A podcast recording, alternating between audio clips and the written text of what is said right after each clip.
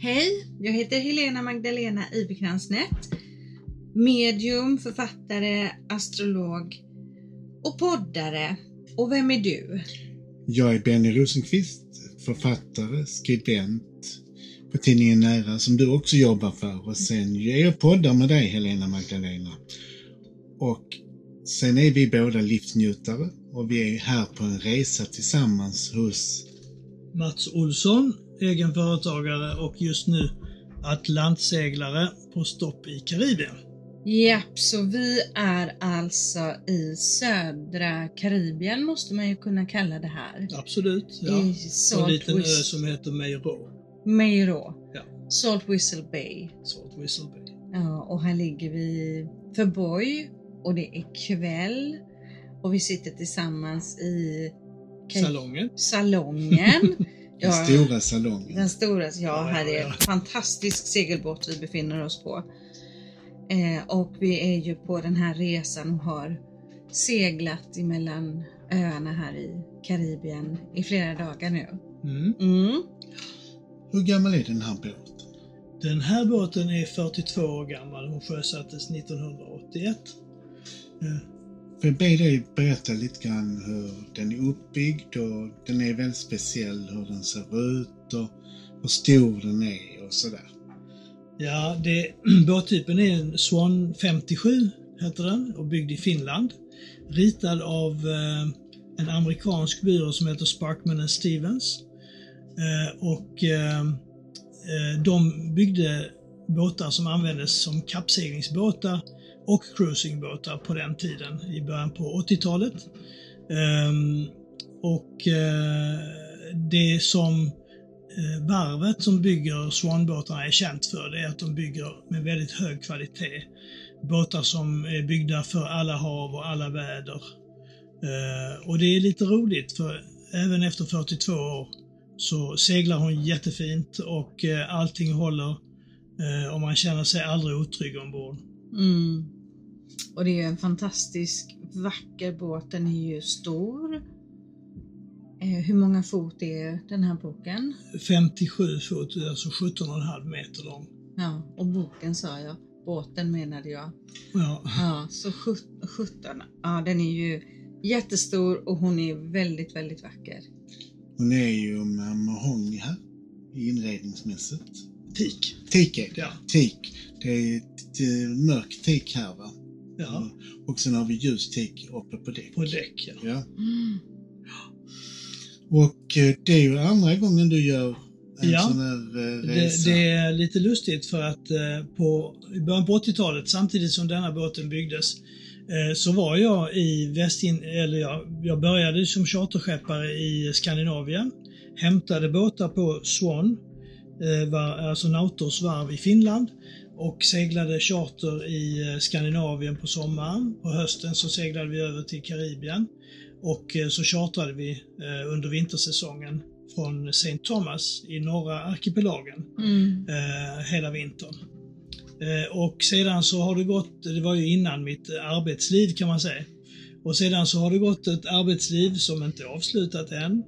Men så här mot eh, kanske slutet av arbetslivet så eh, får jag till det och lyckas göra det en gång till. Mm. Och det är en fantastisk återupplevelse. Ska jag säga. Är det en dröm du har haft sedan dess att komma hit igen? Oh ja, den drömmen har jag närt i alla år kan man säga. Och eh, andra galna tankar som att segla Whitbread och sådana saker som jag gudskelov aldrig kom iväg på. Mm. Men, eh, men eh, det är fantastiskt att det har lyckats falla sig så väl så att jag har kommit iväg nu. Hur var det att resa hit? Hur eh, tog du dig hit? För det verkar ju lite galet att segla hit på det. Men jag får en känsla av, är det inte farligt? Ja, eh, vad ska man säga? Allting är ju farligt. Det är farligt att gå över gatan eh, och sådär. Men eh, det har aldrig känts eh, otryggt på något sätt. Och vi har seglat i etapper ner längs eh, eh, Europas eh, västkust eh, till Portugal och sen till Kanarieöarna, därifrån till Kap Verde och sen till Grenada. Och eh, vi har haft lite dåligt väder men mestadels väldigt gott väder. Och, det har varit fantastiskt. Hur långt tog eh, seglingen ifrån Sverige tills, eh, tills du var här i Grenada? Eh, jag började den 29 juni ehm, eh, från eh, Skillinge i Skåne. Eh, och sedan så eh, seglade vi genom Kielkanalen eh, ner och eh, vi låg under ett par veckor i eh, Portugal och väntade för jag ville vara över Biscaya innan slutet på juli. Eh, och sen seglade vi vidare till eh, Kanarieöarna och så vidare och vi var på Grenada den 10 december. Så att det är ju rätt, rätt Ja. lång period med segling. Det har ju inte varit segling kontinuerligt hela Nej. tiden. Eh, Men, men som sagt, det som styrde var, var över Biscaya innan slutet på juli. Mm. Och det är ju en speciell livsstil att leva så här på en båt. Det blir ju väldigt nära naturen, en Mm. del av naturen. Oh ja, Med vindarna och havet och solen och det är väldigt mycket natur. Det är ju en stor naturupplevelse. Mm. Eh, och eh, man får ju umgås med väder och vind och regn och storm och dimma och hög sjö och grunda vatten, fiskar, eh, fåglar. Mm. Eh, väldigt stor naturupplevelse. Och jag tror det största med naturupplevelsen, det är ju det att man förstår hur liten man är som människa Ja. och hur stor naturen är. Mm. ja, verkligen. Var det ungefär dessa öarna du seglade mellan när du också jobbade förra gången du var här? Nej, då var vi i norra arkipelagen eh, som kallas för Virgin Islands. Eh, och eh, vi utgick från St. Thomas. Eh, och så seglade vi mest i eh, eh, US Virgin Islands och British Virgin Islands. Men vi seglade också ner till, till St. Bart och Antigua och så. Mm. Inte så ofta, men mest där uppe. Mm. Så att den här delen av arkipelagen har jag aldrig sett tidigare. Nej. Och därför så var det väldigt eh, roligt att hamna på Grenada som är eh, en av de sydligaste öarna. Mm. Eh, och sen segla norrut därifrån. Mm. Så Ja. vi är liksom norr om Grenada nu i någonting som heter St. Vincent and the Grenadines. Mm. Och här är många små jättevackra, eh, gulliga öar och en fantastiskt vänlig eh, och trevlig befolkning som gör allt för att vi ska trivas här. Det är fantastiskt trevligt. Ja, man upplever ju verkligen att människor är väldigt vänliga, service-minded. Mm. För vi skulle ju träffas här nere på St. Vincent och vi flög ju, jag och Jörgen då, min man, vi flög ju och vi strandade ju på Barbados. Mm. För vi var försenade från London så att våran flight hade redan gått. Och vi blev ombokade tre dagar senare. Så där stod vi med sticksiga stödstrumpor och trötta och hungriga i måndags kväll. Och de var så hjälpsamma, alla ville hjälpa till och de ordnade ju jättefint för oss att vi fick bo då på Hilton Barbados i några dagar.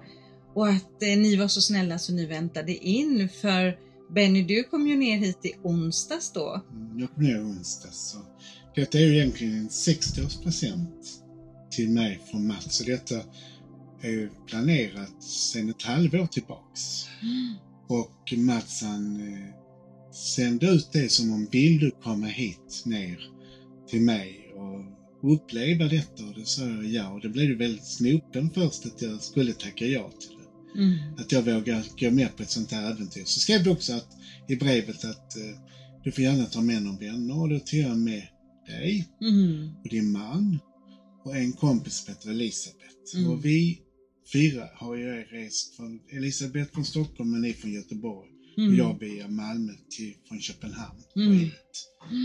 Och vi, jag och Elisabeth möttes på flygplatsen i London och sen flög vi den sista biten hit. Mm. Och jag tyckte det var så kul eh, att eh, Benny som jag har känt i, i, fler, i ett antal decennier Ja. eh, ville följa med hit och uppleva det som jag känner som min värld liksom.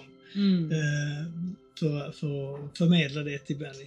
Ja, det är en oerhört fin present och vi är så tacksamma att få, att få vara här tillsammans. Vilket äventyr alltså som vi är med om när vi seglar på dagarna och anländer en ny ö, går i land och möter befolkningen och jättehäftigt, verkligen. Eh, mötte du någon hinder på vägen hit? Var du rädd någon gång? Var du... Ja, rädd var jag nog inte, det tycker jag inte, men vi hade några mekaniska problem eh, i olika omgångar faktiskt.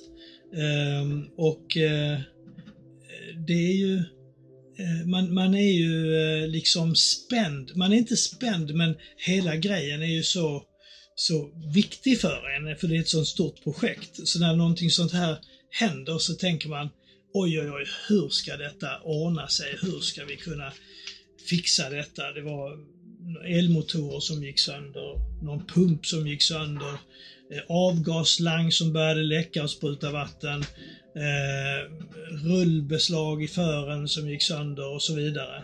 Eh, många sådana här tekniska utmaningar som vi var tvungna att fixa till på vägen. Eh, och emellanåt så tänkte man att det här, det här fixar vi inte. Men så gjorde man det i alla Mm. fall. Och så kunde man eh, segla vidare.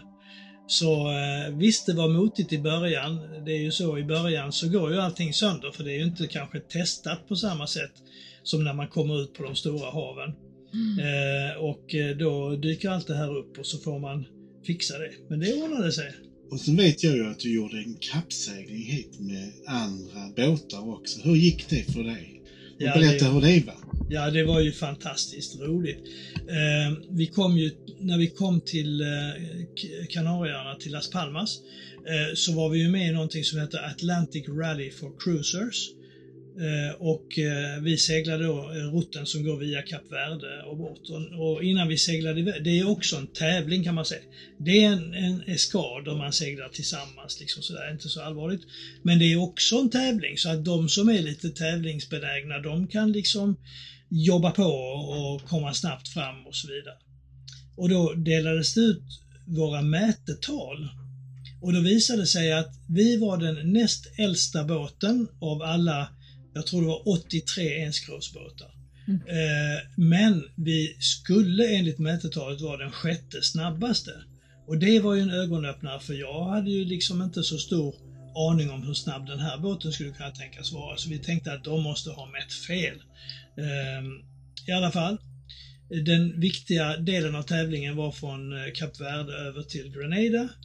Och eh, vi seglade på och, och vi kunde se eh, positionerna av de andra båtarna en gång per dygn.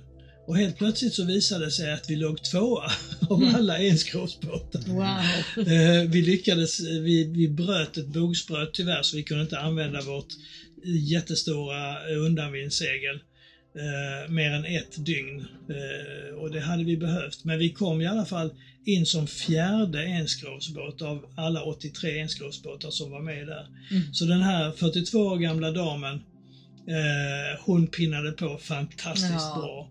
Och eh, det var verkligt roligt. Mm. Fantastiskt. Sen ska du segla hem också. Det stämmer. kommer det? När ska du segla hem?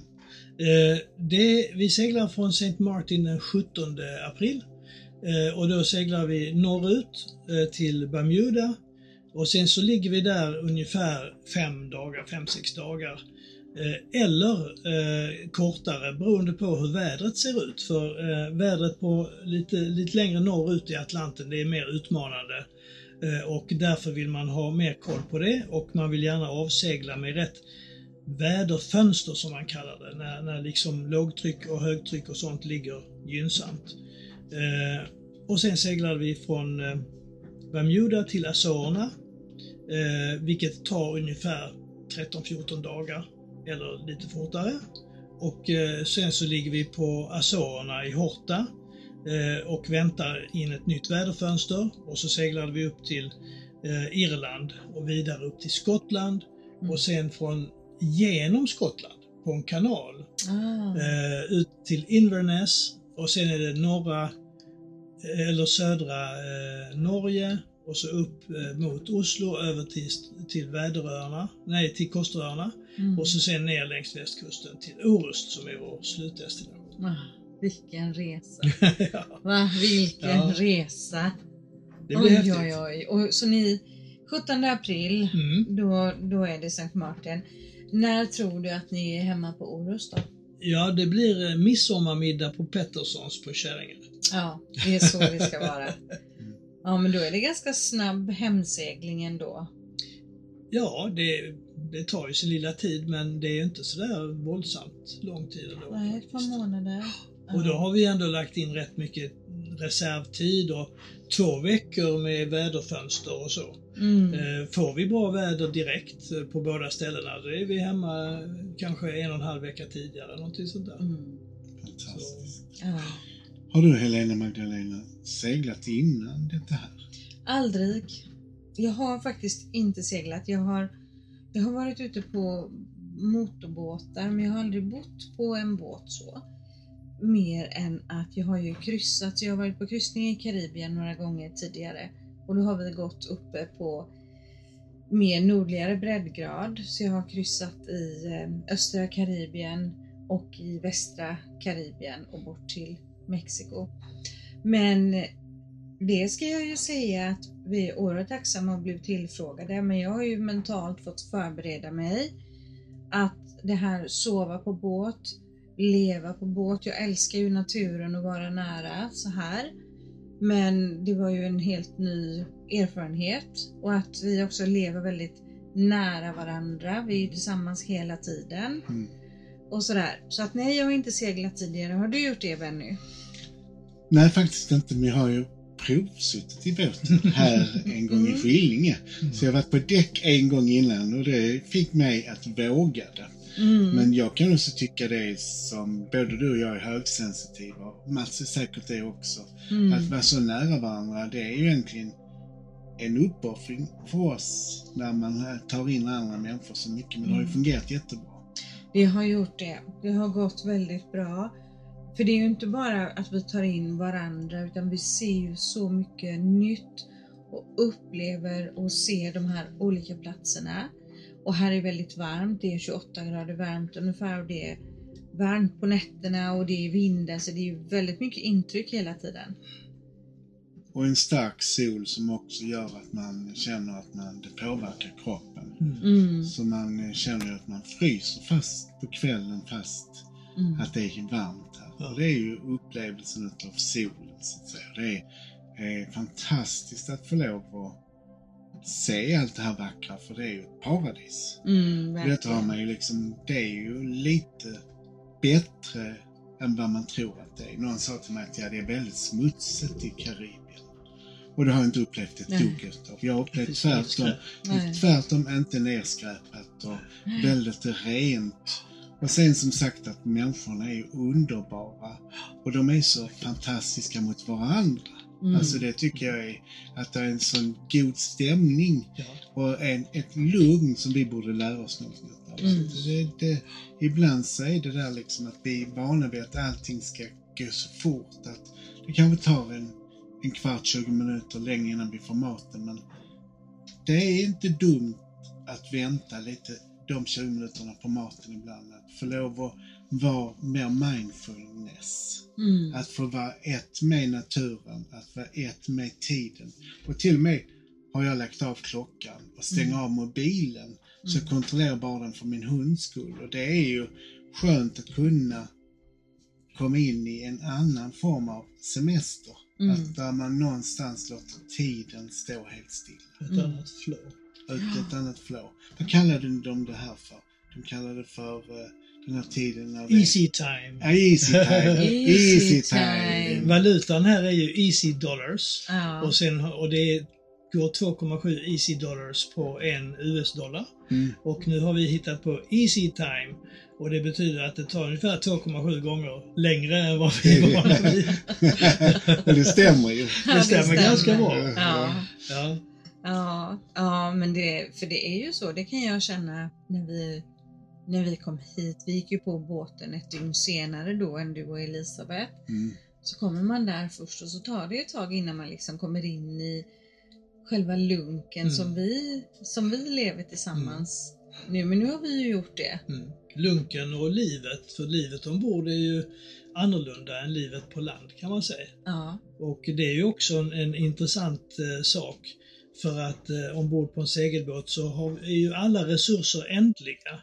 Vi har bara så mycket ström, vi har bara så mycket vatten, vi har bara så mycket diesel Mm. eh, och vi har bara så mycket mat och helt plötsligt så får man börja tänka på de här sakerna ganska noga. Mm. Det gör vi sällan hemma. Hemma så flödar vattnet och så vidare och det är alltid varmt i huset och sådär. va. Mm. Och här får vi liksom tänka på Mm. eh, de ändliga resurserna, vilket man kanske ska tänka på i världen också. Liksom. Man får ett annat tänk.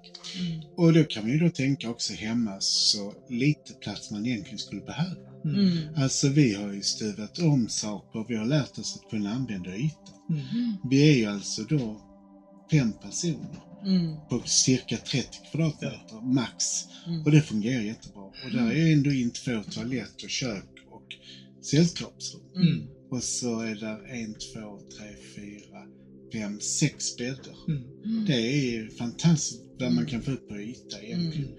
Så mycket vi egentligen använder yta till ingenting. Mm. Ingenting där hemma. Och Mm. så mysigt också när man kommer nära varandra. Man är tvungen till att lära känna varandra Mm. på ett annat sätt. Mm. Och det är egentligen det som är eh, den, det, det stora intressanta som jag tycker. Mm. Det är liksom hur man eh, umgås på en båt och eh, eh, gruppdynamiken kan man säga. Mm. Eh, och det talade vi mycket om när vi höll på med charter och sådär. Eh, det ska vara ett happy ship.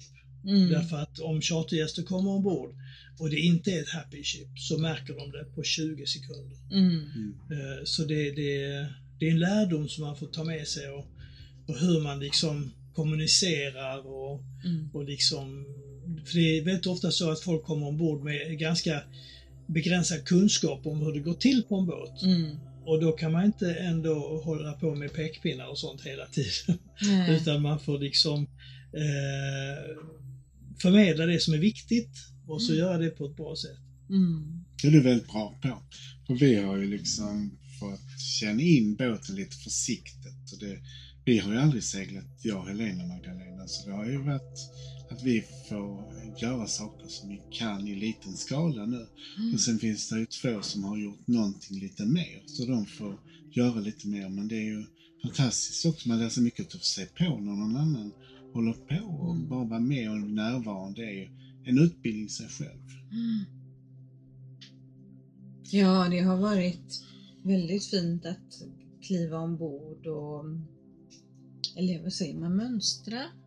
Mönstra på! Mönstra på. ja. Säger min dotter som jobbar på båt. Eh, och få, få lära sig att förstå. Jag har ju bott mycket husvagn tidigare. Och det var någon gång när mina barn var lite halvstora sådär. Började väl bli lite större så tänkte jag, när var, när var den lyckligaste tiden i mitt liv? Tillsammans med barnen och sådär. Och det var när vi var i Falkenberg på somrarna i våran husvagn. Och då tänkte jag husvagn, ett stort förtält, ungefär 18 kvadratmeter blir det. Och där levde vi vecka ut och, och vecka in. Och det är lite samma det här just hur man stuvar undan och det är de här skåpen och, och så. mycket dit. Ja, så just det här med yta. Vi behöver inte alls så mycket yta som vi kanske tror att vi behöver när vi är på hemmaplan. Du har ju varit eh, båtintresserad sedan du var ung. Har du något av dina barn som är intresserade av eh, det här också?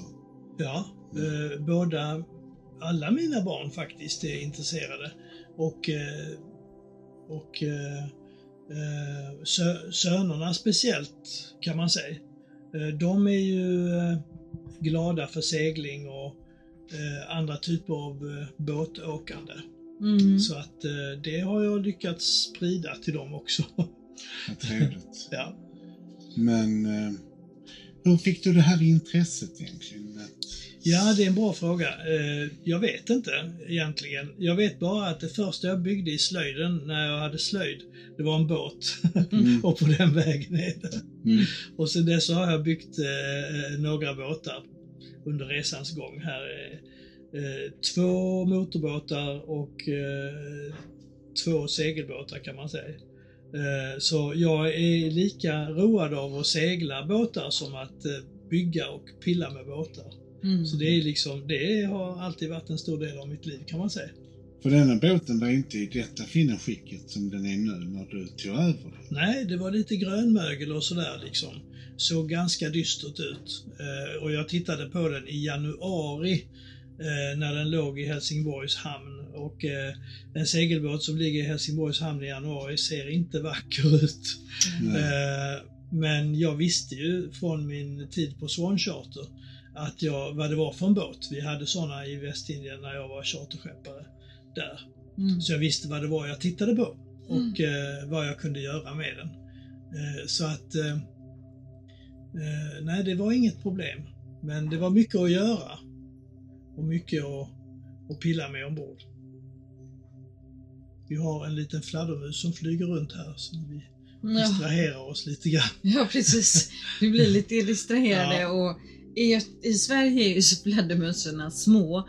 Men här är de ju faktiskt stora när de kommer in och fladdrar, Mm. fladdrar runt. Som, Eh, som en gråsparv. ja. Nej, så, lite större. Den är faktiskt En större. koltrast. ja. Nu flyger den ut. Den kommer ut och in Jag förstår igen. inte vad den ska här och göra. Kolla, den har hittat en ny. Den är där vid frukten. Ja, det kanske är det vi ska, Ska vi göra slänga ut frukten på däck sen? Det gör vi. Ja. Vi slänger ner dem i kylen, annars äter de nog upp dem. Ja, ja, ja. Ja. Så det, det. det, det är också en det. del i eh, att Det det. träffa naturen. Då kan det ju hända sig att eh, de kan komma in djur som är fladdermöss. Och det är ju det är någon symbol för alla djur när vi heter den boken? Solögas. Solöga. Mm. Och det tittar vi på fladdermöss idag men jag kommer redan, jag har glömt redan vad det betydde. Ja, det var, det kommer faktiskt jag ihåg. Eh, Mm. för jag och Elisabeth igår när vi var på Mystik så satt vi och pratade mycket om drömmar. Ja. Eh, och fladdermössen står för att ha drömmar, förverkliga sina drömmar och drömma större drömmar. Så det är därför vi har fladdermössen här. Det var ju Ja. fantastiskt att Ja. höra. Ja, eller hur? Och i morse när vi satt på däck, jag och Elisabeth, så kom det en sköldpadda Mm. och tittade upp och sa god morgon med. Så det är ju så fint med djuren Ja. nära. Och fiskar har vi haft som har hoppat rakt upp ur vattnet och Mm, mycket sånt där. ja. Och Moder Jord är ju fantastiskt egentligen när man tänker. Vi är ju väldigt nära Moder Jords känsla, det är ju vattnet. Mm. Mm. Så vi är ju i det vackraste som finns är det havet, tycker Mm. jag som Vårt kräfta. ursprung alltså. Det är vårt ursprung. Vi har, och vi är ju också, vi föds ju i vatten. Mm. Mm. Det gör vi. Ja. Och vi är den som på jorden är näst mest vatten också. Det är bara gurkan som är med. Tala för dig själv. Och ni Men så är är det ju, faktiskt. Ja, så är det säkert. Ni är ju Mm. kräfta och fisk, så ni är verkligen ert rätta Mm. element Ja, här på ja. havet i Karibien, i kvällningen. Ja. Jag har ju egentligen luftens element och som våg, men jag har ju Mm. månen i kräftan. Mm. Men luften, eh, vi behöver luft i våra segel för Ja. att ta oss någonstans. Så det passar också bra. Ja, det är sant. Ja. Och så, så som du pratar om vindarna och hur de ska komma in och hur vi fångar där. Och, så visst är luften väldigt viktig för, för Ja. Ja, det Ja. är helt grundläggande. Mm. Och att när seglar mot vinden, vad heter det när man, När man kryssar. när man kryssar? Det verkar ju fantastiskt att man kan se, segla mot vinden. Mm. Och det verkar vara mycket svårare än att segla med vind. Det kan man diskutera. Men eh, eh, ja, det, det beror lite på hur fort man vill segla. Jaha. kan man säga. Mm. Men det är fantastiskt och vad vi inte har pratat om det är ju att det finns ju segelbåtar som seglar snabbare än vinden också. Mm. Eh, Mycket snabbare än vinden. Mm. Så eh, man kan göra mycket med segelbåtar. Mm. Hur kan man segla snabbare än vinden då? Det, blir, det, det får bli en speciell podd. Ja, ja, jag kände det att det där var ju... Det var spännande. Ja, det var spännande. Ja, Så ingenting är alltså omöjligt. Så man kan till och med segla snabbare än vinden. Ja, mycket så snabbare. än man ska aldrig sluta tävla mot vinden. Man kan vinna över. Ja, det kan man. Mm. Det kan man. Ja, och jag har ju det, jag har faktiskt inte tänkt på det innan. Alltså jag kommer ju ändå från västkusten och det är ju väldigt mycket båtar Mm. överallt. Men vi har ju varit då landkrabbor i husvagnar istället. Men det ser ju så lätt ut när man tittar ut och det kommer båtar och åker förbi och sådär. Eh, Så jag tycker det har varit så spännande när du har berättat hur du med hjälp av olika då elektronik och teknik kan se hur vindarna kommer och att du kan räkna ut precis vad man fångar de här. Mm. Det är ju jätteavancerat att segla. Mm. Mm. Ja, det, har, det, det är väldigt många faktorer som man måste eh, ha i huvudet samtidigt eh, för att det ska gå bra. Eh, navigationen eh, naturligtvis, båten och hur seglen står och hur mycket segel man har i förhållande till hur mycket det blåser och så vidare. Mm. Eh, och överhuvudtaget väder och vind och vad som är på gång med vädret också. Va? För att det kan ju komma stormar och, och sådana här saker. Mm. Och där har det ju hänt jättemycket. Eh, när jag seglade över Atlanten första gången så då fick man ju navigera med sextant. Och eh, man visste ju inte eh, så noga var man var någonstans. Eh, men nu för tiden så har man ju GPS och saker och man laddar ner väderkartor som, som ritar eh, rutter som är de mest eh, fördelaktiga rutterna över Atlanten och så vidare. Mm. Så det är på en helt annan nivå idag och det har gjort saken mycket enklare och därför så är det mycket fler människor som seglar. Ja. Vår lilla fladdermus här verkar gilla våra avokados ja, och bananerna och är bananerna. där. Det kan vara bananer. Så nu har vi två har vi här två. inne som flyger runt. Det är Torsten och Greta. Ja, ja, ja. Ja, så vi ska, Vi ska- ta och avrunda det här avsnittet nu och se till att få ut Och fladdermössen bananerna. och bananerna. Ja. Så Eh. nästa avsnitt kommer att vara en resa med fladdermöss. Ja. Så att ni vet så vi ska djupdyka så nästa podd kommer vi prata mer om äventyret som hur det slutar med dessa fladdermöss. Så fortsättning följer nästa poddavsnitt. Ja, och tusen tack till våran gäst Mats och för den här underbara möjligheten att få segla med dig på detta vackra på den här vackra platsen, på den vackra kvinnliga Her Hermia 2. Ja. Ja. Tack så mycket. Det, det är en stor glädje att ha er ombord. Och Ja. Det har varit jättekul att ni kunde komma. Och tack Mats för en fin 60-årspresent. Den är, Det det var är minnesvärd. Den är Det var minnesvärd så och det är trevligt att få ta med sina vänner. Mm. Så att vi alla har haft det jättebra. Så vi säger som vanligt puss och kram och vi hörs snart. Det gör vi. Puss och kram. Hej då!